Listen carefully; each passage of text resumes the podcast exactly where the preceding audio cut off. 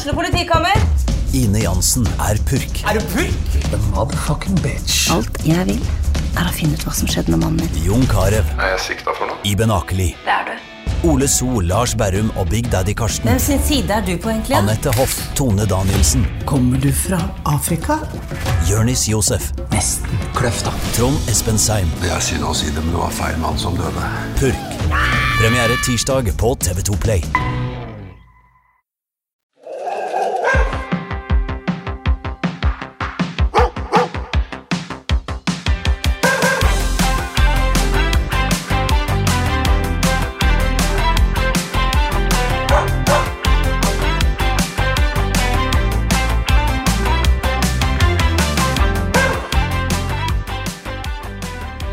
Velkommen tilbake til Bikkjeprat med Line og Stine. Og en tilbakevendende gjest. Det er deg, Mats. Hei på deg. Velkommen tilbake. Tusen takk. Vi hadde jo lyst til at du skulle være med oss og spille en eh, episode til. Ja. For eh, det er jo et tema som eh, på en måte går igjen, som vi opplever, da. Både på kurs, på privattimer, og generelt mye på hundeforumer òg. Eh, og det er jo temaet passering av andre hunder. Ja, og så er det jo, eh, som vi sier hele tida, at det er jo veldig mange forskjellige tanker rundt det her. Supermange. Veldig mange forskjellige metoder, og folk eh, gjør og tenker ulike ting. Ehm, så da var det vel på tide at vi også spilte inn en episode om dette. Ja, det var det det. Vi har jo fått noen lytterspørsmål eh, rundt det. Ja, vi har det. Eh, Noen henvendelser om kanskje vi kunne snakka om det. Ja, og de er jo som regel litt for konkrete, på en måte. Det er jo litt vanskelig å ta for seg en bestemt situasjon. Mm. fordi det varierer jo veldig fra hund til hund. Det spørs litt sånn eh, Er hunden eh, Har hunden lyst til å leke med den andre hunden, hunden den passerer? Eh, Det er litt vanskelig å kunne svare konkret når man ikke ser det. ja. Er den sint? Er den redd? Ikke sant? Og så er det litt sånn eh, Du, eh, Mats, da, du har jo en eh, YouTube-kanal Ja. Under navnet Flokkleder. ja. Mm. Eh, og vi har jo kikka litt på den. Ja. Og den ene episoden der, den uh, syns vi liksom traff oss veldig sånn rundt det her temaet her, da. Mm. Eh, og hva heter den, Mas? Den heter Klar kaptein på skuta, Ikke sant? episode to. Ja. Eh, men eh, sånn for å spole bitte litt tilbake, flokkleder? Ja. Ja, hva er det? Det er et veldig i, eh, Når vi snakker om hund, så er det et veldig stigmatisert uttrykk. Det er sant. Det Lederskap. er, eh, det er Hvis du er en flokkleder, så er du bare en fyr som går rundt og denger bikkja di og er superstreng hele tida. Eh, Men jeg tenker at det handler litt mer om å være den som guider hunden din gjennom hverdagen. Gir den noen retningslinjer. Eh, Du setter noen rammer for hunden din, hva den får lov til og ikke får lov til. Og så håndhever du de. Du er konsekvent. Og ved å være konsekvent så vet hunden hva, den forvent, hva som forventes av den i de aller fleste situasjoner. Og da får du en trygg hund, mener jeg. Og jeg sier da, i denne episoden som forrige var med på, ikke noe av det jeg sier er fasit. Det fins mange veier til rom, som vi vet, men det jeg, eh, det jeg har funnet ut av, det funker for meg. Ikke sant? Og det er jo akkurat det vi jo er litt opptatt av òg. At vi sier jo i den podkasten her, den lagde jo vi fordi vi hadde lyst. Ja. Eh, og eh, da vil jo da si at det er vi og våre meninger som, som vi fronter i den podkasten her. Vi har jo ikke mulighet til å fronte noen andres meninger, bortsett fra liksom gjester da, som vi har med oss. Eh, og det, det er liksom det man får, da. ja. Ja. Så er det jo veldig gøy å høre på en måte hvordan tanker gjestene våre har. Hva de på en måte hvor, Vi lærer jo veldig mye av det. Ja, absolutt. Og sitte og, så det er jo som sagt litt flue på veggen. Mm. Og vi har jo sagt det tidligere at vi syns jo det her med å liksom gifte seg med en teori, da, eller en treningsmetode, eller altså et eller annet, det her er fasit, det er jo ikke vi så veldig glad i. Nei. Uh, vi tenker jo at uh, man kanskje får et litt sånn bredere syn, da, eller altså videre perspektiv, hvis man er kjent med mange forskjellige måter å gjøre ting på. Så kan man heller gjøre et informert valg, da. Jeg tenker jo mer sånn Hunden forteller deg jo egentlig alt. Ikke sant? Hva tenker du, Mats? Nei, jeg tenker at det er viktig å, å bare presisere at uh, hunder er veldig, veldig forskjellige. Ja, det er de. Og eiere. Eiere og hunder, så du må på en måte finne de metodene som passer bra til din hund, og som passer bra til deg. Så, også, men som, du, du må på en måte ha en, en hunger etter å få til resultater innenfor en rimelighetens tid. For du kan holde, holde på i all evighet med enkelte ting ikke sant? og føle at du ikke får noen framgang. Og det bør da kanskje være et, en pekepinn til deg om at du kanskje bør prøve noe annet. Ikke sant? Og i den episoden, forrige episoden som du var med, så snakka vi litt om det her med at hunden må tro på det. Og for at hunden skal tro på det, så er det viktig at vi som eiere står liksom inne for det vi gjør. At vi også tror på det, for hvis ikke vi tror på det, så vil jo i hvert fall ikke hunden tro på det. Helt sant. Men så er det det med passering, da. Ja. Eh, hva er det Ja, hva tenker vi om det? Vi tenker at det, eller jeg tenker da, at det er en situasjon som veldig mange snakker om. Mm. det er et problem for meg å passere andre hunder fordi at hunden min blir så blank. Sånn og sånn og sånn. ja. Utagering i bånd er noe vi ofte hører. Ja, Stress. Ja. Bjeffer. Drar i båndet. Kaster seg framover. Jeg tenker jo at det her starter jo ehm, Kanskje så fort eh, de får hunden i hus. Eh, min tanke om det her med ordet sosialisering, det er en litt sånn eh, Ok, hva er sosialisering? Jo, mange mener at det er slipp valpen bort på alle mennesker, alle dyr. Alt møter. Eh, alt møter. Fordi den må oppleve det å skape gode opplevelser. Og hva gjør du da? Du skaper en Forventning. ja. Du skaper en forventning. I verste fall så kan du òg skape en veldig vond følelse for hunden. Eh, eller for valpen. dårlige erfaringer. Ja. Ehm, det jeg mener er sosialisering, det er jo at ehm, vi skal ta med valpen ut blant mennesker og hunder og dyr, og la den oppleve det. Få mange bilder, som vi har snakka om at hunden lærer i bilder. Få mange fine bilder sammen med meg. Om at det handler om ja, vi kan være sammen eller rundt andre mennesker og dyr og hunder, men du skal fortsatt synes at jeg er kulest. Ikke sant? Jeg vil at alle bilder fra fotoalbumet til hunden min da, skal være med meg på. Ja. Jeg er verdt mer enn alle folka! Jeg tenker at vi kanskje burde bytte ut begrepet sosialisering med eksponering. Ja, helt enig, Ja.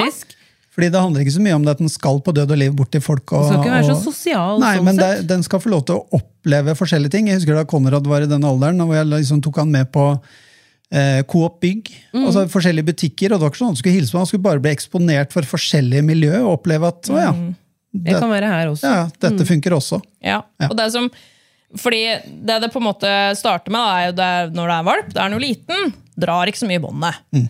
Men for de som har store hunder, så merker du med det at men dæven, altså nå drar den jo så fælt mot alle mennesker og alle hunder. og Nei, nå, nå klarer jeg nesten ikke å gå på, på glattisen på vinteren, liksom.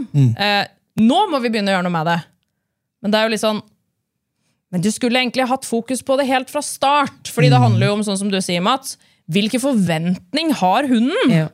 Og så er det jo egentlig litt Det der, da, det er jo litt sånn derre Jeg, helt personlig, så kjenner jeg veldig ofte på at det her er dårlig gjort overfor hunden. da. Fordi hvis hunden helt fram til den er liksom seks måneder, da, får lov til å hilse på alle den møter Den får lov til å hilse på alle mennesker, den får lov til å hilse på alle hunder, den får lov til å gjøre akkurat som den vil når den er i bånd. Eh, og så blir vi litt lei av det når den blir rundt seks måneder, Fordi da blir det ganske slitsomt, for den begynner å bli stor, og det begynner å dra, og kanskje bjeffe litt, og herregud, den er så stressa, liksom.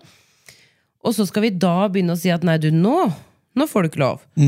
Eh, og det, det syns jeg rett og slett er litt urettferdig. Og så har du også det med hunden, da. Uh, hundens forbannelse, mener jeg, det er at den er jo så fordømt søt når den er valp. Ja. Og så er du ute og går tur med valpen, og så er det noen som kommer bort. 'Nei, kan jeg få lov å hilse?' Og så setter de seg ned på huk. Og så får bikkja lov til å hoppe opp i ansiktet på dem og slikke de. Slikke det i ansiktet, ikke sant? Og så som du sier da, spoler vi fram seks måneder da, så har du et svært beist. Og så er det Og det er ingen så som har lyst til å bli sleika i ansiktet Nei. lenger. Så jeg tenker, jeg tenker at uh, hvis vi skal begynne å snakke om tips og sånn, da. Noe av det viktigste, mener jeg, du kan gjøre når du har en valp, det er å oppdra folk som har lyst til å hilse. Så det jeg pleide å gjøre hvis noen ville hilse på Konrad da han var valp, det var ja, men stå og snakk med meg først. ikke sett deg ned på huk. Stå og snakk med meg først. Når du ser han er rolig, så skal jeg gi deg et tegn. Så kan du forsiktig gå ned og hilse på han, men ikke noe hamsterstemme. Ikke, noe, ikke prøv å gire han opp. Klapp han rolig. Og det er bare sånn detalj som ikke, sånn som jeg sier til noen unger når jeg klapper hund. Ikke klapp fort. Vær rolig. Alt vi gjør sammen med hunden vår, rolig. Og det er sånn, Men det her med å oppdra Det er jo det jeg sier til kurs kursdeltakerne mine. At det, det vanskeligste i en sånn situasjon, det er jo å oppdra dem som dem. kommer. Fordi noen av dem sier 'å, kan jeg hilse', og så har de begynt å hilse for tre sekunder siden. Ehm, eller at de ikke de, de skjønner ikke. Så det går ikke. Men jeg hadde ei på, på valpekurs som hadde en schæfer. Ehm, hun sa det veldig fint. Sånn herre Nei, det jeg pleier å si til de som kommer og spør om de kan hilse, er uh, nei. Fordi du kommer ikke til å spørre om å få hilse på han når han er fullvoksen. Fordi det er det ingen som gjør. Og det var et veldig sånn Det var et godt poeng. Jeg har jo en fordel da, med at jeg har en hund som ser skummel ut i Ja. øynene. Altså en Ja. blanding av rottweiler og dobmann. Og så I tillegg så ser jeg ut som en kjeltring sjøl og er nesten to meter høy. så, så det er ikke så mange som har lyst til å hilse på, på, på oss nå. Så det er jo egentlig veldig, veldig, veldig greit. Det er jo kjekt, da. Ja. Ja. Det, det jeg har lært meg med Fender, er ehm, Jeg sier gjerne hei, men så stopper jeg øyekontakten med den personen jeg møter. Og så bare går jeg Og så videre. går du videre. Ja, fordi da, da blir vi liksom ikke hengende der. Nei, du inviterer ikke til noe Nei. spesielt mer sosial interaksjon, nei. Ja. nei. Det kan være lurt. Eh, Men så er det jo det her med Det gjør, møter vi. Altså vi møter folk på tur. Folk med hunden sin, og folk uten hund. Vi møter syklister, vi møter joggere, vi møter liksom Vi møter mange, da. Du møtte kanskje flere enn oss, for vi bor jo på Toten, og du bor jo på, i Oslo. Jeg bor i Blærum. Ja, du bor i Blærum, til og med. Ja, ja, ja. Mett av folk. Det er mett. Mett en sekk med folk! Herregud, på høglys dag. Neida, men eh, Og mye bikkjer. Ja. Ja. Mye bikkjer. Mye bærumshamstere, som vi kaller det. Altså jakthunder. Alle har hamsterstemme. Nå er var jeg og- veldig fordomsfull. Men- Men, men, eh, eh, noen når jeg settere i- her og der er det. Når jeg har vært i Oslo, eller når jeg er i Oslo, jeg blir så stressa. Jeg. Fordi det er jo folk overalt. Og det er 'oi, der var det en hund', og så er det på høyre side 'oi, der, der var det en hund', og bak. Og det merker jeg jo veldig godt på hunden min. Eh, at når vi er i Oslo, det er, det er en prøvelse. Fordi ja, vi har jo hatt, jeg har jo hatt fokus på det og eksponert den for sånne situasjoner. Som du sa så fint, Mats. Um, men det er jo ikke så mye her. Det er ikke sånn her. Det er Mjøspromenaden. Mjøspromenaden, vet du. Det er liksom, det er bossen. Det er eh, Hva heter han han der eh, Han i Mario, han største Han der eh, Ja, han krokodilla. Ja, nei, det vet jeg Ja, ikke. nei, ikke heller. Nei. Ikke Men det er i hvert fall bossen, da. Eh, det er liksom Mjøspromenaden. For der kan det hende du møter fem bikkjer. Alle ja. hundeeiers liksom. største mareritt Ja. på Toten. Og hvis vi skal ha privattime, eksempel, så er det sånn, ja, da stikk på Mjøspromenaden. Er du sikker på det? At vi skal stikke på Mjøspromenaden? Vi må jo det for å få hunder. Ja, ja vi må det. Eh, men så er det liksom sånn Du da kan jo bare gå ut døra, sikkert. Ja.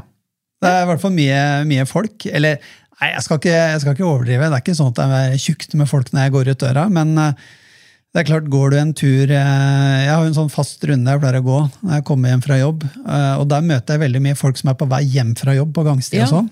Og en del bikkjer. Ja. Men jeg har jo bodd i Oslo med hund sjøl. Og da bodde vi på Kampen. Det var da jeg fikk eh, Knutsen, eh, min første rottmann, som er blanding av rottweiler og dobmann. Ja, jeg veit ikke er en egen rase. Eh, men jeg kaller det rottmann. Eh, og da vi fikk han, så hadde ikke vi barn. Og han var ni måneder. Jeg var tredje eieren på han. Han var ni måneder, og da jeg fikk han, han var helt Altså, han var ikke noe problemhund som sådan, men han var gikk og dro og dro i båndet. Og jeg husker jeg sa til kona mi at jeg veit at ikke vi har planlagt noen unger, og at ikke det er noen unger, men før eller siden så kommer det. At det er en barnevogn. Og da kan ikke vi ha en hund på 45 kilo som går og drar og drar. Nei.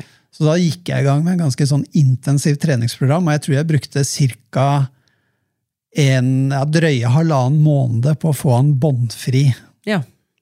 Og det er sånn noe jeg har vært veldig Du kan si hva er målet med mitt hundehold, og det gjelder fortsatt. Jeg driver ikke med konkurranse. Jeg skal aldri konkurrere i agility eller lyddelen eller noe sånt nå, men mitt mål med min hund det er å ha en hund jeg kan lufte med hendene i lomma.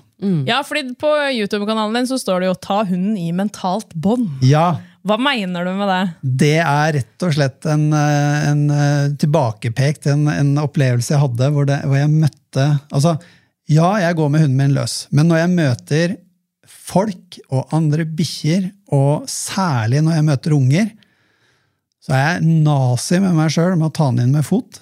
Og der skal han gå ved fot til vi har passert. Og en gang jeg gikk med han ved fot, og da var det ei dame som kjefta på meg. 'Du må ta hunden din i bånd!' Det var ikke båndtvang engang. Og jeg sa 'Ser du ikke at han er i bånd?' Ja, hva mener du? Jeg sa, Ser du ikke at han er i mentalt bånd? sa jeg. Så bare gikk hun videre, da. Så nei, det er grunnen til at jeg sier det. Og det, jeg skulle ønske at folk heller anerkjente det arbeidet jeg legger ned i hundene mine for å få de dit de er. Helt enig. enn å, og jeg pleier også å si, hadde du heller foretrukket at han var i bånd, men utagerte? Ville det vært bedre, liksom? Ah. Jeg tenker jo litt på, Det er jo litt sånn som vi sier, som, som vi hørte av Peder. Ja. Det her med eh, kontroll gir frihet. Ja. Ikke sant? Med, når du, men for å få kontroll, det får du jo ikke gratis. Hvis det er noen som tror det, så Jeg har ikke fått det til, i hvert fall. Nei, jeg tenker det er sånn disclaimer, det går ikke. Nei, det går ikke.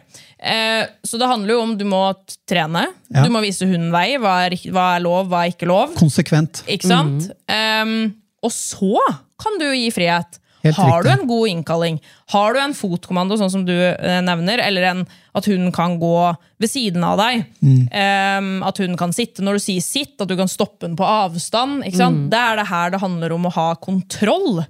Eh, passering av at den kan unngå å løpe bort til andre hunder altså, Det handler om å vise vei. ikke sant? Når du kommer til et punkt, så kan du gi frihet. Ikke sant? Men da, da, veit du jo at du har kontroll. Ikke sant? Og da har du også noe du kan konfiskere hvis det på en måte eh, Altså hvis hunden bruker den friheten sin feil, da, eller altså at den, den tar litt for mye frihet, eller den gjør et eller annet, så har vi også noe vi kan liksom inndra. du, men da må du gå her. Da må du faktisk begynne å gå litt i langlinjen. Ikke sant? Ja. Da, kan vi, da må vi faktisk gjøre noe her, fordi du klarer jo ikke å håndtere den friheten som du har fått. For Hvis jeg skulle gjort det motsatt da, med Fender, og gitt den frihet, og så tenkt ok, hvis jeg gir den frihet, så kan jeg sette på kontroll Ja, ja. etter hvert. Det hadde blitt kjempebra. Altså, Det hadde jo ikke gått. Nei, det hadde ikke det. Det, det hadde jo ikke gått. Da hadde den jo tatt seg friheten, da. Til alle, på alle alle folk. Bare 'hallo', altså, hele verden er laga for meg. Mm, her var det litt mennesker, her var det unger som spiser pølse, unger som løper 'å, kan jeg spise litt på kjolen dem, Ja. til, til den ungen', og andre hunder 'hallo'. Ikke sant? Det går jo ikke. Nei. Hvis jeg da står og roper 'nå tenker jeg at nå skal jeg lære den litt kontroll', kom hit! Selvfølgelig er jo jeg mindre verdt enn den hunden han står og hilser på. Og jeg, jeg må jo bare si også at i forrige episode jeg var med så vet jeg at jeg fremsto som fryktelig streng og fæl fyr.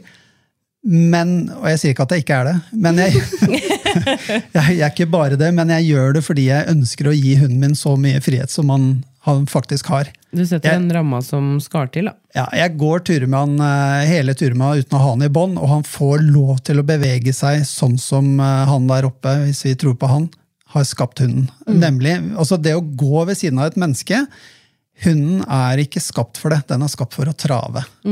Trave bortover og snuse og holde på. Så derfor er jeg såpass eh, konsekvent i mitt hundehold som jeg er, for å kunne gi han den friheten han har. Og jeg mener han har et veldig, veldig godt hundeliv. Ikke sant? Og jeg tenker sånn, Gjør det svart-hvitt. Det sier jo, sier jo vi på kurs og privattimer. Gjør det så svart-hvitt som overhodet mulig. For hvis, vi, lett, som, lett som bare det å forstå. ja, for hvis vi da går tilbake til det her med som du sa i stad, Stine, det med at eh, det er jo faktisk urettferdig Ja. med at eh, at hun, valpen får lov å hilse på alle fram til den er seks måneder, og så skal den plutselig ikke få lov til det, for at vi blir så forbanna på at den plutselig drar så fælt. Ikke sant? Vi er like mye bedre hvis vi setter inn den tidligere, da, den vanen, hvordan det skal se ut når vi hilser. Så liker jeg jo mye bedre at han kanskje kan hilse på flere etter hvert, fordi at den oppfører seg jo veldig fint. Ja. Den kan få det som belønning, kanskje, da. Hvis Ja, den har veldig lyst til det. Ja, og da er det jo litt sånn, sånn som jeg pleier å si, da, det er sånn ehm, fordi når jeg er på privattime, så tenker jeg jo at Men jeg snakker jo ut ifra hunden. Så jeg sier jo òg det som du nevnte, Stine, at men det er jo litt urettferdig. Fordi hunden forstår jo ikke at på mandag og tirsdag så får han jo lov å hilse på hvem han vil. Men ikke på onsdag og på søndag. Men resten av uka er det greit, liksom. Og på lørdag er det greit halve dagen. Ja, Der skjønner jo ikke hunden. Enten så må det være lov eller ikke lov. Men sjøl om det ikke er lov å ta seg den friheten til å hilse på alle, så vil det jo ikke si at vi ikke kan si 'vær så god, nå kan du hilse'. Men du må spørre om lov først. Du må være rolig og vente på min beskjed. Jeg har det sånn med min hund at jeg, han får egentlig ikke lov til å hilse på noen hunder vi møter, bortsett fra han har liksom sine faste lekekompiser. Det er et par tisper og er et par hannhunder. Hvor vi avtaler som regel å møtes, og så slipper bikkjene løs, og de løper rundt og har det helt ball. Men, eh, men selv da også, så er det ikke fritt fram. Da er det den øvelsen med å De skal sitte. Eh, han andre hundeeieren klipser av sin eh, han- hannhund, eh, tar av båndene, ikke sant? og så vi, venter vi det en eh, 10-15 sekunder, og så sier vi vær så god. Kan vi få lov å holde på. Så det er liksom Det er noen rammer som gjelder der også, i den situasjonen også. Ja. Og det er jo å legge opp til ålreite møter mellom hunder. Mm. Fordi vi ser jo mange ganger at det er veldig mange hunder som kanskje hilser på hverandre i bånd. Det er jo også en greie som kan skape litt konflikter. Det er noe forbanna tull. Båndet båndet er gift. Ja, men det er jo det, Ja. for båndet i seg sjøl er jo en konflikt. Ja. Vi, setter en, altså, vi setter et bånd på en hund som egentlig den har lyst til å trave, som du sier. da, Den har lyst til å løpe løs, den har lyst til å snuse her og der og sånne ting. Og vi ja, vi må da holde den fordi at det er båndtvang, eller altså det er, vi føler at vi må det. på en måte. Han stikker av hvis vi Ja, ikke slipper sant? Vi er redd for at den skal være sånn og sånn. Og så setter vi på den, den lina, og så skal vi henge bak der. Eh, og kanskje hunden kanskje føler at den har litt frihet, altså han kan dra i båndet. Og så henger vi bak, og så er hunden ikke helt kanskje klar over at vi er i andre enden av båndet. Det har vi jo snakket om i noen tidligere episoder òg. Hvem går tur med hvem, på en måte. Eh, og så møter vi en annen hund, og så går de to hundene bort til hverandre, og så er begge i bånd. Og det at de er begge to har stramt bånd da, ikke sant, gjør jo noe med kroppsholdningen, eller det gjør noe med følelsen til hunden. Skaper mye spenning i situasjonen. Nettopp. Og de, de er som eh, eh, altså en sprettert, liksom, i den situasjonen der. Og det kan igjen da være med å skape mye av de her veldig negative situasjonene som vi ikke vil at hunden vår skal oppleve når den hilser på andre hunder. Også for ikke nevne det, det er jo sånn, Noen hunder står jo gjerne veldig i spenn mot hverandre. Men så kan det jo òg være at den ene hunden står i spenn. Mens den andre hunden egentlig tenker 'Å, herregud, nei, det her syns jeg er så ubehagelig', så jeg har lyst til å stikke av.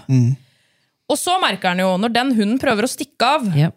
så kommer han seg jo ikke Den unna. sitter jo fast. Ikke sant? Hvis den eksempel er redd, da snakker vi jo litt sånn som vi snakka om med, med Trond, det her med hvordan hunden er som art. Ja. Eh, det handler jo om liksom Hvis de ikke kan flykte, altså fight or flight, ikke sant? Er det da rart hvis hunden har fått veldig mange opplevelser med at eh, vet du hva, jeg har ikke lyst til å hilse på noen andre hunder? Eh, jeg syns det er ubehagelig. Les hunden. Se, hva, hva gjør den? Ikke sant? Prøver han å komme seg unna. Og så stopper det, og eieren sier 'nei, kom nå, hils på Ja, den hunden'. har så lyst til å hilse på deg. Han vil ikke ha noen venner og syns det er litt trist. Drar den redde hunden bort. Da får han jo så mange opplevelser at 'jeg kommer meg jo ikke unna'. Da må jeg bare. Er det da rart at den går til angrep? Det er veldig interessant at du sier det der, for jeg har en sånn teori da, om at uh, veldig mange hunder som er uh, aggressive i bånd, Fryktagressiv, ja. ja, Mm. det har starta med at vi hundeeiere er så utrolig dårlige på å lese hundene våre. Se for dere en, eh, en gangsti, da. Ikke sant? Lang strekke. Så er det to hundeeiere som eh, kommer mot hverandre. Den ene hunden den begynner å fiksere på den andre, fokusere og fiksere på den andre hunden. Litt sånn lav, snikende gange. Begynner å liksom gjøre seg klar til å eksplodere. Ikke å være, det, det trenger ikke å være så obvious heller. Det kan være at den bare går og stirrer på den andre hunden. Så går du med din hund, som er en litt mer sånn forsiktig type. Og så legger vi ikke merke til at eh, han plutselig blir interessert i å snuse ut i grøfta. Å, se der, en pinne. Å, nei, nei, vi drar den med oss videre. Og så drar vi den mot Ja. mot den andre hunden. Og vi, vi eh, mennesker vi har jo intimsoner. Vi tar reist opp, eh, Lina. Nå reiser de seg opp her. Må du. Ja, jeg skal det. Nå står det med brøst mot brøst. Den avstanden her som vi står nå, nå står vi ca. en meter fra hverandre. Cirka en meter fra hverandre. Hvis jeg går her, Ja, Hvis du går inn eh, sånn at du står ca. 20-30 cm ifra, ville, hva ville du ha følt var mest naturlig da å gjøre? Ja. Rygge bakover for å opprettholde da den passe avstanden. Det var et stort tanndyr som Ja. sto over meg der. og, Ja. og at jeg ikke er inne i din intimsone. Og hunder har jo ikke sånn De har jo også intimsone, men det heter indre revir. Og når vi da skal møte hverandre på gang, den gangstien, så ser da vår litt forsiktige hund at shit, nå ble jeg drassa inn i det indre reviret til den møtende Til noen andre, ja. Mm. Hva kommer til å skje da? Og så tenker han, nå har jeg prøvd å fortelle skjeggapen, meg, eh, at jeg ikke er interessert. Ingenting virker. Jeg prøver dette. Wow, wow, wow, wow! Mm. Og det virker. Da tenker vi oh, oh, oh, da, da går vi lang Da går vi utom. langt vekk. Og så lærer hun Ja. at ok, hvis jeg bare gjør det der hver gang, så slipper jeg det der møtet med den andre hunden. Mm. Og så har vi plutselig fått en aggressiv i gåseøyne hund i bånd. Som bare gjør det fordi at det er den eneste måten å få mer avstand på. Ja. Hun viser jo mange tegn før det her eventuelt skjer. Ikke sant? Og det er jo det um, Det er jo det når jeg uh, jobber med folk som sliter med det her på privattimer, f.eks., så er det veldig mange av dem som er sånn Nei, nå har jeg bedt hunden min å gå pent i bånd, da skal han gjøre det. Uansett. Uh, og da skal han gå ved, min, eh, ved min venstre side, og der skal han gå uansett. Han får ikke snuse, han får ikke gjøre det, han får ikke gjøre det. Og da sier jo jeg, men vet du hva? For at vi skal få sett hva hunden din forteller deg, så blir du kanskje nødt til å slippe opp litt. Grann. Så da sier jeg hold ytterst i båndet. Hold i løkka. Da får hunden frihet. Hva gjør den? Det som er litt interessant å se, det her varierer jo fra, altså fra hund til hund, selvfølgelig. Eh, men det som er litt interessant å se, er at når hunden får såpass mye frihet, da er det som du sa, Mats, ok, noen velger jo å snuse faktisk gjennom hele passeringa, fordi da får de avstand. Så tenker de ja, men jeg kan jo heller gjøre det her. Eh, andre viser veldig tydelig at de vil vekk. Og da sier jeg følg etter. Fordi det er det hunden din vil. Følg etter den når den, går, når den ønsker avstand. Eller at det kan være at faktisk hunden ser en annen hund, og så tenker den å herregud, nå er det jo ikke noe stramt bånd her. Men da vil jeg heller gå rett ved siden av eieren min. Fordi der er det trygt. Men det handler om hva er det hunden egentlig viser oss. Fordi det er så viktig å se, fordi hvis vi på en måte fjerner den muligheten, så er det jo ikke noe rart at den på en måte tyr til for eksempel aggresjon, da, eller at den prøver å få hunden vekk, eller en eller annen annen ting. Mm. da ser vi jo at det er mange hundeeiere som opplever en annen side av hunden sin Ja. enn de har sett før. Bare, Oi, ja, men nå utagerer han ikke, og vi var jo på samme avstand. Ja, men kanskje, kanskje endringa er at du ikke stramma båndet i forkant av passeringa. Kanskje endringa er at du ikke ble stressa, eller at du ikke snakka til den, eller ga han en eller annen trigger. da.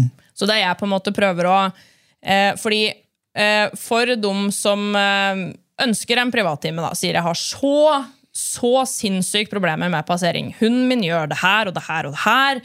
Og hvis den ikke gjør det, så gjør den alle de andre tinga. De, de kan skrive en bok om alt hva hunden gjør i passeringa fra hvilken hunder, ulike hunder de møter. Det er spesielt hannhunder. ikke sant? Reagerer ikke så mye på små hunder, men hunder som, små hunder som bjeffer. ikke sant? De kan, de kan skrive en hel bok om hva hunden deres gjør i situasjonen. Det jeg prøver å bryte opp litt med, er å lære dem å lese hunden sin. I stedet for å tenke på hva han gjør. Alle de negative tinga. Da blir vi liksom hengende veldig i det. Så derfor ber jeg dem om å prøve å slippe opp litt. Det verste som kan skje, er at den drar ut i båndet. Vi har jo kontroll, for han er jo i bånd. Um, han kommer seg jo ikke vekk. Nei. Men se hva han gjør. Ikke sant? Noen vil snuse gjennom hele passeringa. Eh, andre må vi inn og kontrollere. Eh, og da bare sier jeg hold kort bånd. Eh, ha den ved venstrebeinet ditt. Og bli ferdig med situasjonen så fort som overhodet mulig. Bare bli ferdig. Ikke stå der og heng. Eh, eller få den til å sitte. Det er ikke sikkert hunden er mottakelig for det, fordi stressnivået er for høyt. Eh, og så bare sier jeg, bare se rett fram, se på hunden din, og det jeg vil at du skal se på, er når når passeringssituasjonen er ferdig. Ok? Noen hunder ser bakover fordi de ønsker å ha kontroll. Eh, men hva gjør hunden din etter den har gjort det, når vi har kommet litt lenger bort? Eh, hvis hunden tar hodet ned i bakken, da vil jeg at du skal slippe den. Slippe opp båndet litt. Fordi hvis den da ønsker å snuse, så er jo det mye bedre. Fordi når hunden snuser, eller om vi kan spe på med litt godbiter, for eksempel, og at vi får den i et søk, så er jo det med på å roe ned og dempe energien til hunden. Da hjelper vi den med å regulere stresset sitt. da.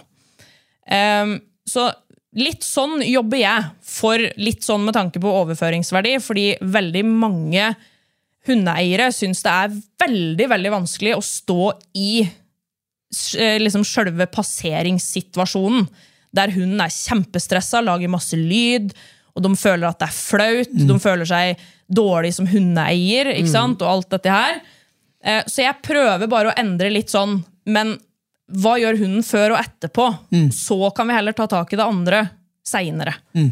Eh, når vi òg lærer hunden å veksle i den energien sin, så blir den jo heller ikke hengende i det stresset eh, til neste passering, for eksempel, fordi da blir jo resten av turen helt forferdelig. Mm. Mm. Eh, så da prøver jeg liksom å si ok, la han søke litt, bruk litt tid på det. Hvis du, kan gå på en, hvis du har en stor gressplen ved siden av deg, for eksempel, gå opp der og lek litt. Tren litt. Finn, Gi hunden ulike oppgaver på turen. Balansere på en krakk, ikke sant? Fordi da tenker de på litt andre ting. Og så får hun en litt annen opplevelse. Samarbeid, relasjon. Det er gøy å gå på tur, og ikke mm. at hun bare går og leiter etter andre hunder. Mm. Litt sånn, tenker jeg. Mm. Ja, det er bra. For det er jo den herre Vi kan jo komme litt tilbake til det som eh, som vi snakka på Jeg tror kanskje vi snakka på det i den forrige episoden du var med i, Mats. Det her med å se litt sånn hele hundeholdet i perspektiv, da. Eh, og at den situasjonen, den passeringssituasjonen, kan faktisk Altså, det kan være mange andre ting vi gjør i hundeholdet vårt som kan påvirke den, den situasjonen. Og i denne episoden her, da, fram til nå, så har vi jo kanskje Det kan jo hende det er noen som tenker her skulle jeg egentlig hatt en to do-list, eller en sånn oppskrift på hvordan jeg kan fikse passeringsproblemer. Men vi har kanskje ikke snakka så mye om den konkrete passeringssituasjonen. Hva gjør vi? Mm. Og det er jo på grunn av det her. At det er så mange andre ting som påvirker akkurat den situasjonen. Fordi akkurat når hunden er i en utagering, altså den henger ikke sant? Stå på to bein, båndet er stramt, den bjeffer og den uler og den knurrer mot den andre hunden. Akkurat i den Da da mener jeg faktisk at da er det ingenting å gjøre. Da er det for seint. Da er det for seint. Mm. Vi har kommet for seint. Vi er altså too late to the party. Mm. Vi må gå videre. Eh, eller så kan vi For det, det, vi gjør da når vi da går videre, er jo at eh, eh når vi snakker om at hun lærer i bilder, så husker han jo den situasjonen der. Sist gang, så da mm. sto jeg sånn. Mm. Det vi også kan gjøre, er at vi kan ta hunden i kortbånd, og så kan vi gå parallelt med den andre hunden helt fram til begge, begge hundene er rolig. Mm. Så husker de det. Eh, kan vi for eksempel gjøre. Eh, for å liksom få nøytralisert situasjonen på et eller annet vis.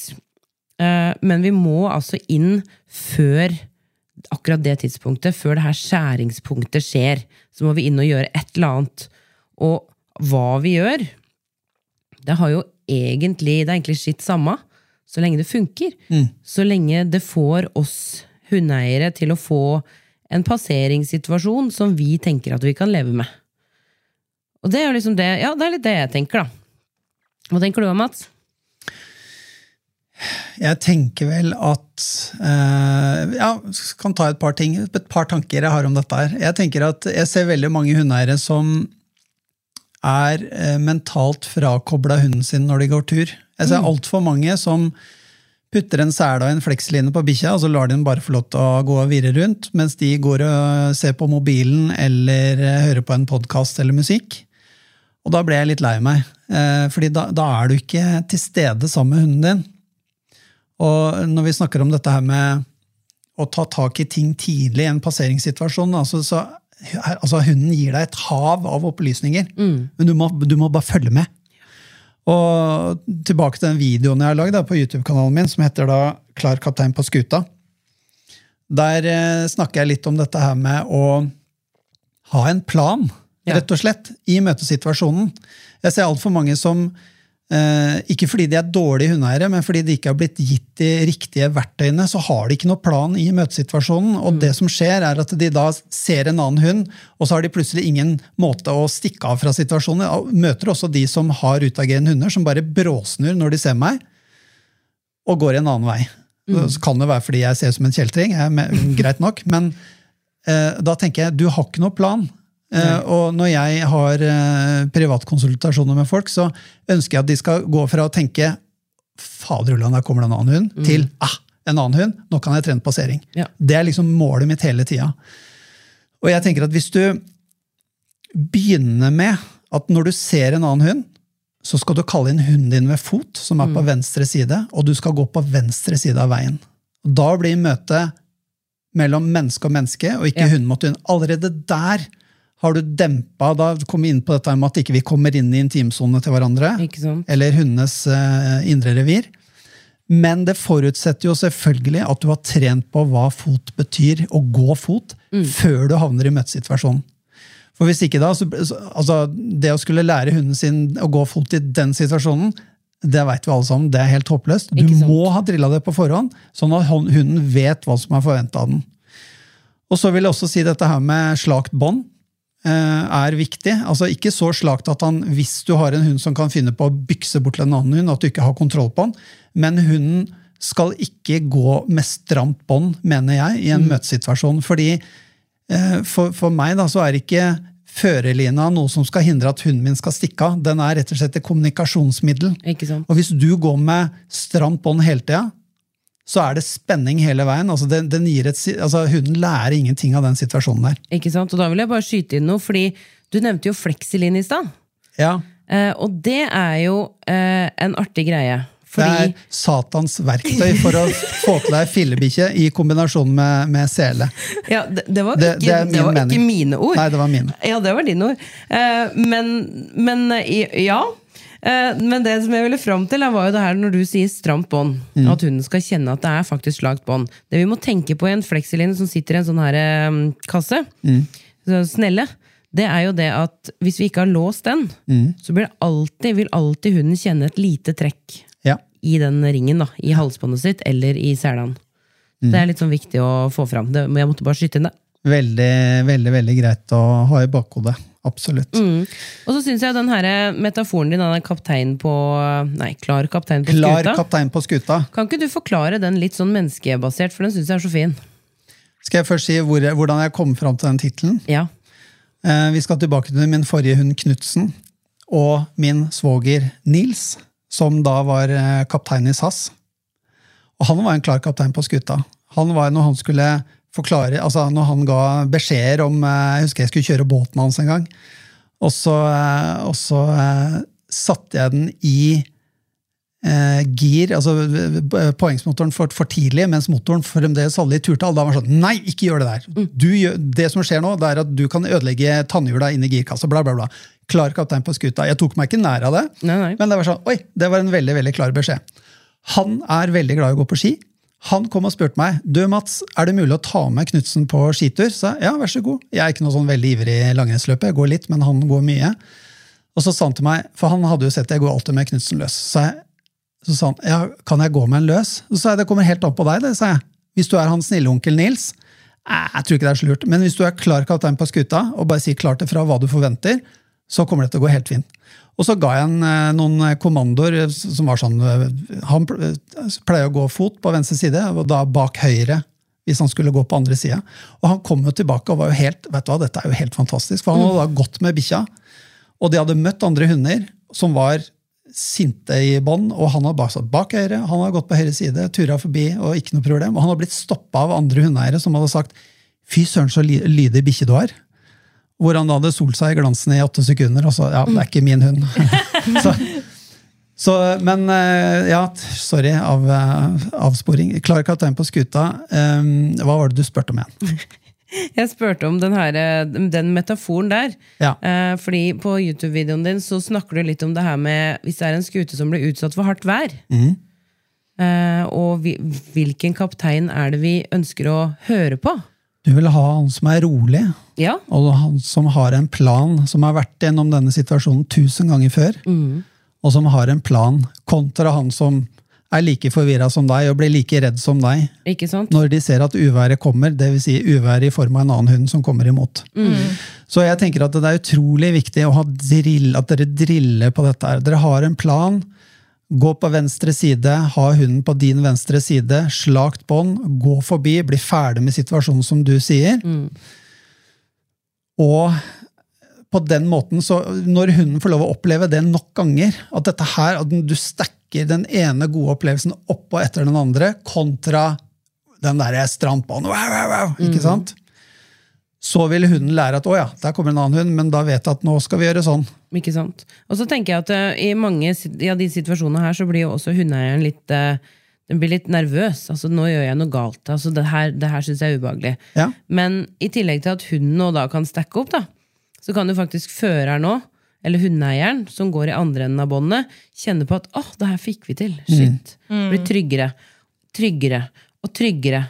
Til at man faktisk klarer å identifisere seg med han her. Mm. Klarer kapteinen på skuta. det er viktig å, å si, da. Det der med Jeg kan love deg at hunder kjenner den der spenninga som går gjennom fra oss og gjennom førerlina inn i bikkja. Eh, og jeg ser så mange som møter kommer imot, og så har de ingen plan. Og så surrer de båndet stramt, og så heiser de skuldra opp, og så går de og ser ned i bakken og så bare håper jeg, jeg håper det går bra. håper det går bra, ikke sant? Kommer ikke til å gå bra. Nei, Og når hunden da utagerer, så kommer de med en sånn halvhjerta korreksjon som er sånn nei, nei, som er mer for min del enn egentlig for å prøve å korrigere bikkja. Og det er litt synd. Og det er litt sånn som jeg òg sier til disse folka som eh, jeg prøver å hjelpe så godt jeg kan. Det er at um, Sånn som vi snakker mye om her nå, det her med at den Som jeg sa tidligere, båndet er gift. Fordi hunden kjenner jo energien vår. Og det er sånn som du sier, Mats, at hvis noen snurrer opp lina, blir helt sånn, hever skuldra og blir helt stive Noen går jo bak en lyktestolpe. ja, og snurrer, ja, for å ha kontroll. Ja. Snurrer lina fast rundt lyktestolpen. Yes. Men en annen ting som er ganske viktig å tenke på, er at når vi gjør alt det her, så slutter jo òg eieren å puste på et tidspunkt. Um, pu pusten, altså De går og holder pusten og blir nervøse. og Adrenalinet kommer. Liksom. Det smitter så over på hunden. Så jeg går ofte ved siden av eh, eieren i situasjonen og sier 'pust'. Det går helt fint. Og når situasjonen er ferdig, for at hunden òg skal bli ferdig, så er det jo viktig med å slakke opp båndet og puste. Ikke sant? Og det er litt av poenget mitt med at hvis hunden snuser, så er det mye enklere for oss, eller som hundeeier òg, å puste. Og at vi ikke blir så liksom opphengt i situasjonen. Eh, og det, det kjenner jo jeg på veldig sjøl òg, for jeg har hatt veldig mye problemer med fender i passeringssituasjoner. Jeg som satt der og trodde at jeg kommer jo ikke til å ha en hund som sliter med det. For de tidligere hundene mine ikke har hatt problem. Han fikk jeg store problemer med. Har fortsatt utfordringer, men det begynner å lø løsne veldig fint nå, fordi jeg puster. Jeg prøver å lese han, og han vil gjerne ofte vekk fra situasjonen. Følger etter han, prøver å liksom være med han litt. Kommer det til et punkt der han hopper ut mot den andre hunden og sånne ting, så må jeg jo selvfølgelig gå inn og si at det her er ikke greit. Men hvis jeg hadde hatt han som hadde hengt eh, liksom, Ikke klart å veksle i energi eller å regulere stresset sitt, så hadde ikke det hjulpet. Eh, og det var jo en ting som jeg merka veldig godt på han. Jo mer aktivitet jeg hadde i det båndet, stramt, slakt, stramt, slakt, napping, sånne ting, så skapte det bare mer aktivitet. Det var veldig veldig dumt i forhold til han, på grunn av at jeg setter jo det inn en del i leken. På grunn av at det skaper frustrasjon. Eh, igjen dårlig kommunikasjon. Ikke sant? Så Derfor har jeg prøvd å Istedenfor at jeg venter på at båndet blir stramt, så sier jeg 'kom hit'. Prøver å kommunisere. Holde kommunikasjonen. Fordi det er veldig lett for oss eh, hundeeiere å gi masse oppmerksomhet når hunden tar kontakt. Men idet hunden er i gråsona, som jeg kaller det, når hunden vi begynner å miste den, da bare går vi og venter på tar du kontakt på nytt. Masse oppmerksomhet. Gjør du feil, da begynner vi å gjøre noe. Men i den gråsona, der prøver jeg å jobbe aktivt. Der prøver jeg å jobbe. Kom hit, kom hit. Kommer ikke med en gang, stirrer på hunden. Men, men kom, ta fram en godbit. Prøver å få den inn igjen. For å skape kontroll. For å si 'nå er du her', riktig, men nå setter du deg ned. Fordi det båndet for meg har blitt et mareritt. Derfor har jeg måttet liksom prøvd å gjøre andre ting for å komme meg ut av den situasjonen. Igjen, mye enklere når den er løs, men jeg stoler ikke på den. Eh, fordi jeg kan, ikke, jeg kan ikke gi en for mye frihet enda. På grunn av at jeg veit at han kommer til å løpe bort. Eh, hvis det er riktig situasjon, på en måte. Men er du redd for at han skal være aggressiv når han løper bort, eller bare at han løper bort? Nei, ikke når jeg har på bånd. Eller når den er løs. Da er det for å hilse og være hyggelig. Hvis den er i bånd, da blir den sint. Hva skjer hvis du tar på en langline og lar den bare slepe den etter seg? Da har du muligheten til å stoppe den. Ja, det gjør jeg. Det gjør du. Det gjør jeg. Så du bruker langline i den? Ja. Ja. Det gjør jeg. I de situasjonene der hvis det ikke, når jeg ser at det, er, det går. Men eh, nei, jeg begynte vel så vidt å si det i stad, det der med at eh, jeg syns at eh, vi som hundeeiere ofte er litt sånn dårlige på å lese hunden vår eh, på et tidlig tidspunkt. Altså, du nevnte det i stad, vi snakka litt i stad, dette her med at eh, det å på en måte se når hunden begynner å fiksere på en annen hund, at du da kan gå inn og si 'hei, kutt ut'. At du der skaper en forventning til hva du ønsker. Men jeg tror veldig mange er litt grann dårlige på å lese hundene sine. sånn at de, de ser ikke hva som er i ferd med å skje. Eller de, de ser det nok, men de tar tak i det så, så seint Ja. at idet bikkja på en måte launcher mot en annen hund altså hvis du, hvis du skal gå inn med en fysisk korreksjon i det tilfellet der, da, for å stoppe hunden, så, må, så blir den fysiske korrelasjonen blir såpass ufin at det er ikke noe trivelig. Nei, kanskje du blir bitt. Det er, Kanskje ikke, du blir går, bitt. det er ikke sikkert det går inn. Nei. Nei. Den får bare... mest sannsynlig det ikke med seg. Nei, ikke sant? Så det er liksom Og, men det er som du sier, at hvis du skal gå inn med den, en som man får med seg, så må den være såpass heftig ikke sant? at du, det vil du helst ikke Nei, gjøre. det er ikke Nei. noe pent. Men jeg, jeg tenker også det er viktig, jeg har jo sagt dette her med møtesituasjon, gjør sånn og sånn, gå mot den andre hunden, men, men som jeg også sier i den videoen, da, kanskje ikke det er der du skal starte. Nei. Kanskje du skal starte med å ta hunden ut. altså Finn, jeg har et, en strekke med gangsti, rett lang gangsti der hvor jeg bor, med god plass på begge sider. Ikke sant? Det er ypperlig der å si til folk gå ut med hunden din noen par meter, få den til å si, gi henne en jobb, han skal sitte. Han skal sitte og se på en hund som passerer. Og da må du da være klar med slakt, slakt bånd, men klar til å korrigere med båndet hvis han velger å bryte sitt-kommandoen. Og forutsetningen er at han vet hva sitt-kommandoen betyr, og det gjør jo de aller fleste hundene på et, etter et visst stadium. Så jeg ville ha begynt der. da. Hvis du sliter med en hund som, som eh, utagerer ved passering, begynn med det, og så kan du minske avstanden etter hvert, og så, så kan du begynne å gå over til å passere i fart forbi en annen hund.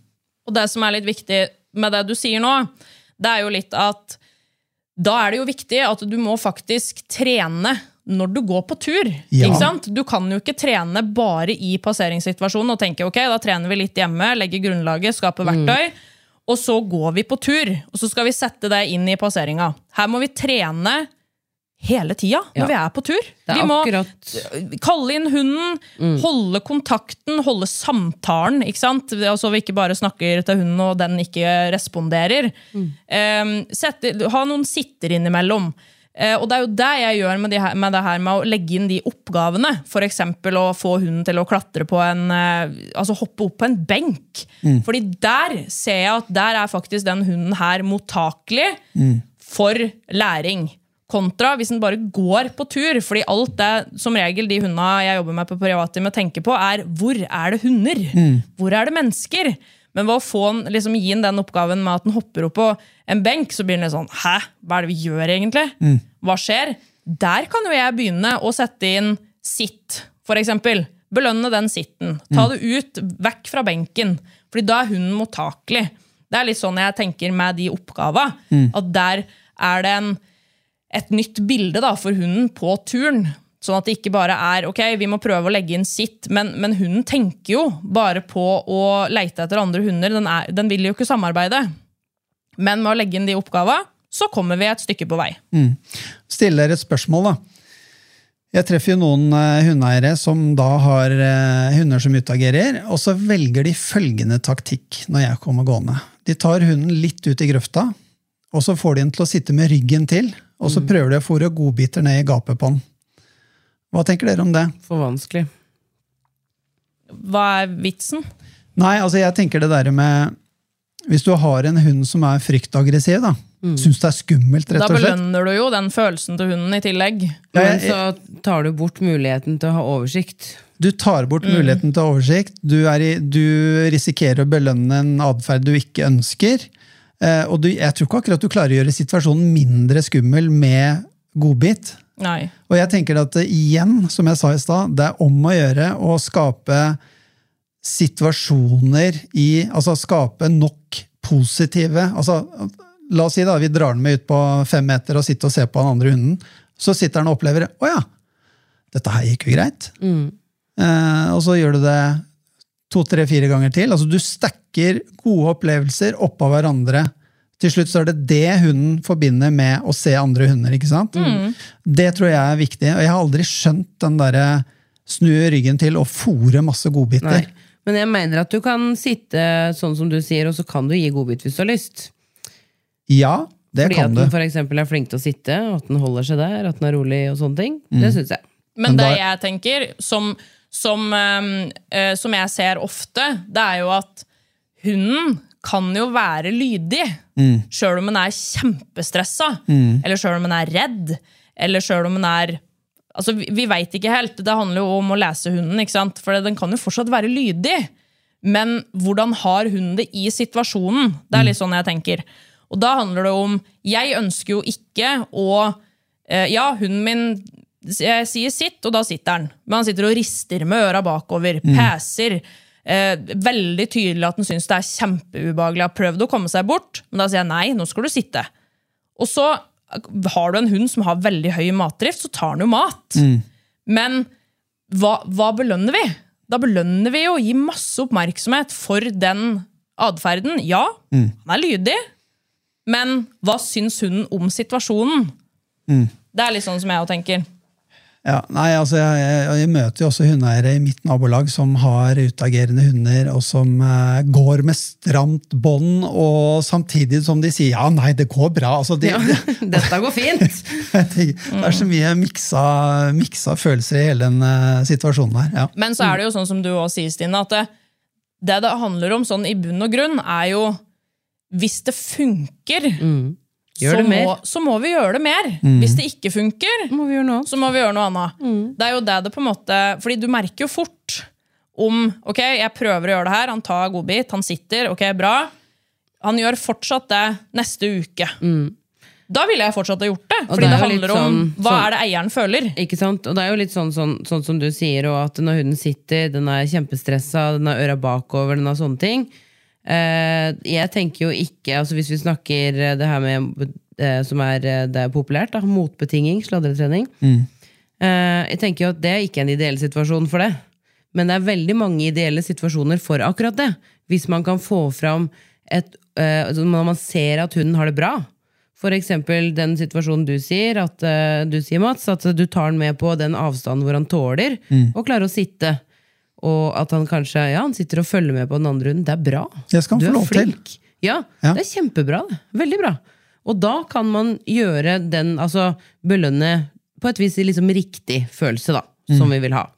Så, så det er et liksom skjæringspunkt der òg. Det er liksom ikke Ja, det er mange metoder som funker, og jeg tenker eh, igjen så må man finne en metode som man mener, og en metode som man føler seg trygg på å bruke, Mm. og som man lærer seg ordentlig, som man kan. Og veit at jeg gjør det her fordi jeg ønsker dette, eller jeg gjør dette her. Dette er, det er en grunn for at jeg gjør det her. da. Ha en plan. Ja, Det er egentlig det viktigste, fordi vi kan jo eh, vi som har kurs, og du som har private konsultasjoner òg, vi kan jo si masse til hundeeiere. Du må gjøre sånn her. Og så reiser vi igjen. Og så sier hundeeieren sånn ja, han der Mats eh, som jeg snakka med, han sa jeg skulle gjøre sånn her. Så møter han kanskje noen luringer, da. Hvorfor skulle du gjøre det, ja? Nei, det vet jeg ikke. og da kan vi nesten ikke gjøre det, ikke sant? Fordi vi må jo forklare. Vi må forklare Og de må kjenne det. det. De må kjenne på det, at det her har jeg behov for å gjøre fordi at jeg har lyst til å hjelpe hunden min, eller jeg har lyst til at hunden min skal gjøre det sånn og sånn, og da får jeg den her eller det her eller det her ut av det. da. Og det er jo nettopp på grunn av derfor det er veldig viktig for meg å være i situasjonen for å kunne lese hunden, for å kunne se hvordan, hvordan samspillet er mellom hunden og eieren. Er, hva, hva skjer med båndene? ikke sant? Derfor er det veldig viktig å, liksom, å være i situasjonen, fordi da kan du i verste fall kanskje kjenne litt på hunden sjøl. For å gi best mulig råd. Der, der liker jeg å gjøre. Det er sånn, ok, eh, ja, litt usikker. Vi prøver det her, og så kan vi prøve det her. Går ikke, kan jeg få lov å kjenne? Ikke sant? Og I ekstremt mange tilfeller så kan man også stille litt spørsmål og undre seg litt sammen med hundeeier, og så kommer hundeeier fram til akkurat det de trenger å komme fram til, nesten på egen hånd. Det òg er litt sånn å ja, å ja, jeg gjør jo sånn her! Shit! Kanskje jeg heller burde gjøre sånn? Ja, det var lurt, prøv det. Og at man heller kan være den Eller som vi sa, jeg vet ikke om det var forrige episode eller denne, men dette med å filme. Ja, Det er et kjempefint verktøy, altså. veldig fint Det- refleksjonsverktøy. Ja, jeg kan jo bare nevne den siste hunden jeg hadde eh, privattime med. Det var en gatehund, importert fra utlandet. Eh, jeg hadde ikke hatt noe særlig lett i oppveksten. Hadde kommet hjem til et par, ungt par hjemme i Norge som ikke hadde erfaring med hund fra før, og som sikkert med de beste intensjoner hadde gitt den veldig mye kjærlighet og veldig lite rammer. Og så kunne ikke de ha den lenger. Og så var det da noen naboer av meg som overtok den. Og det er hundefolk som har hatt hund før. De har en tispe fra før. Og de kontakta meg fordi den, det er en kastrert hannhund.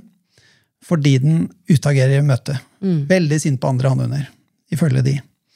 Eh, men der så jeg veldig kjapt at eh, det var ikke det det handla om. Nei. Det var rett og slett, Den var kastrert. Den utskiller en lukt som er eh, verken fugl eller fisk, som da interesserer i hvert fall andre hannhunder. Jeg vet ikke hvordan det er med tisper, jeg har ikke tisper sjøl, om de er like interessert. Nei, de det kan være det, faktisk. Ja, Men hannhunder spesielt er veldig skal gå og snuse i ræva. ikke sant? Og, så den hunden hadde aldri opplevd å ha en person i andre enden av båndet som på en måte skjerma han litt for de der Nei, overinteresserte hannhundene. Så jeg hadde med Konrad på den konsultasjonen, og han fikk lov til å snuse den i ræva litt, men når det gikk over de normale fem sekundene, så sa jeg 'nå er det bra', hold deg unna. Og så gikk vi lang tur, eh, og det var null stress, egentlig. Så d- den var, og det var så fint å se, fordi den, den begynte å snuse på de samme stedene som Konrad. De gikk helt fint sammen. Ingen problem, og de, det går helt kjempefint nå. Ikke sant? Fikk Og da fikk han noen gode bilder av den, å være sammen med han. annen hannhund. Riktig. Veldig bra. Eh, vi må avslutte her. Tusen takk for at eh, du hadde lyst til å være med på en episode til, Mats. Bare hyggelig. Veldig, og altså, det er vel ikke til å stikke under en stol at det er ganske engasjerende å snakke om eh, passering. Ja. Det er det. Det er noe Jeg tema kunne snakka mye lenger enn dette her. Ja, ja. For det er, det er spennende, og det er kontroversielt, på en måte. Eller det er liksom mange som, mange som har noen tanker om det. da. Mm. Og veldig mange, eh, for ikke å si det, er uenig Mm. I, med veldig mange. eh, liksom rundt, rundt det. Så det er mange mange tanker, og det her er, det her er noen av våres. En ting er jo i hvert fall helt sikkert, det er at hvis du ønsker at det skal bli bedre, så klarer ikke jeg helt å se, og jeg er ganske enig i at ikke er enig, eh, hvordan det kan bli bedre hvis man unngår det. Nei. Og som du sa i stad, det er bare å plukke opp den igjen før vi slutter helt der. Det, du sa dette her med eh, at du, du må trene hele tida. Og jeg ser veldig mange som er på kurs, og så er de veldig flinke på kurs. Ja. Og så kommer de hjem til hverdagen, og så glemmer de litt å trene. Men jeg mener at den der hundetrenerhatten, da, for å kalle den det, du tar den aldri av deg. Heller ikke når du er hjemme. Du tar den aldri av deg. Alt du gjør sammen med hunden din, er egentlig om ikke det er trening av nye moment, så er det terping Det er av trening, noe ja. Hele tiden. Og det høres fryktelig slitsomt ut, men når du får det inn i ryggraden, så vet vi alle sånn, det er ikke slitsomt. Nei, det er ikke det. Det er som jeg og Stine pleier å si, at uh, dere er på kurs her for å lære det vi ønsker, men den viktige og den, den, eh, den viktigste treninga, det er det dere gjør utafor her. Veldig bra. Takk for nå. Takk for nå. Adios.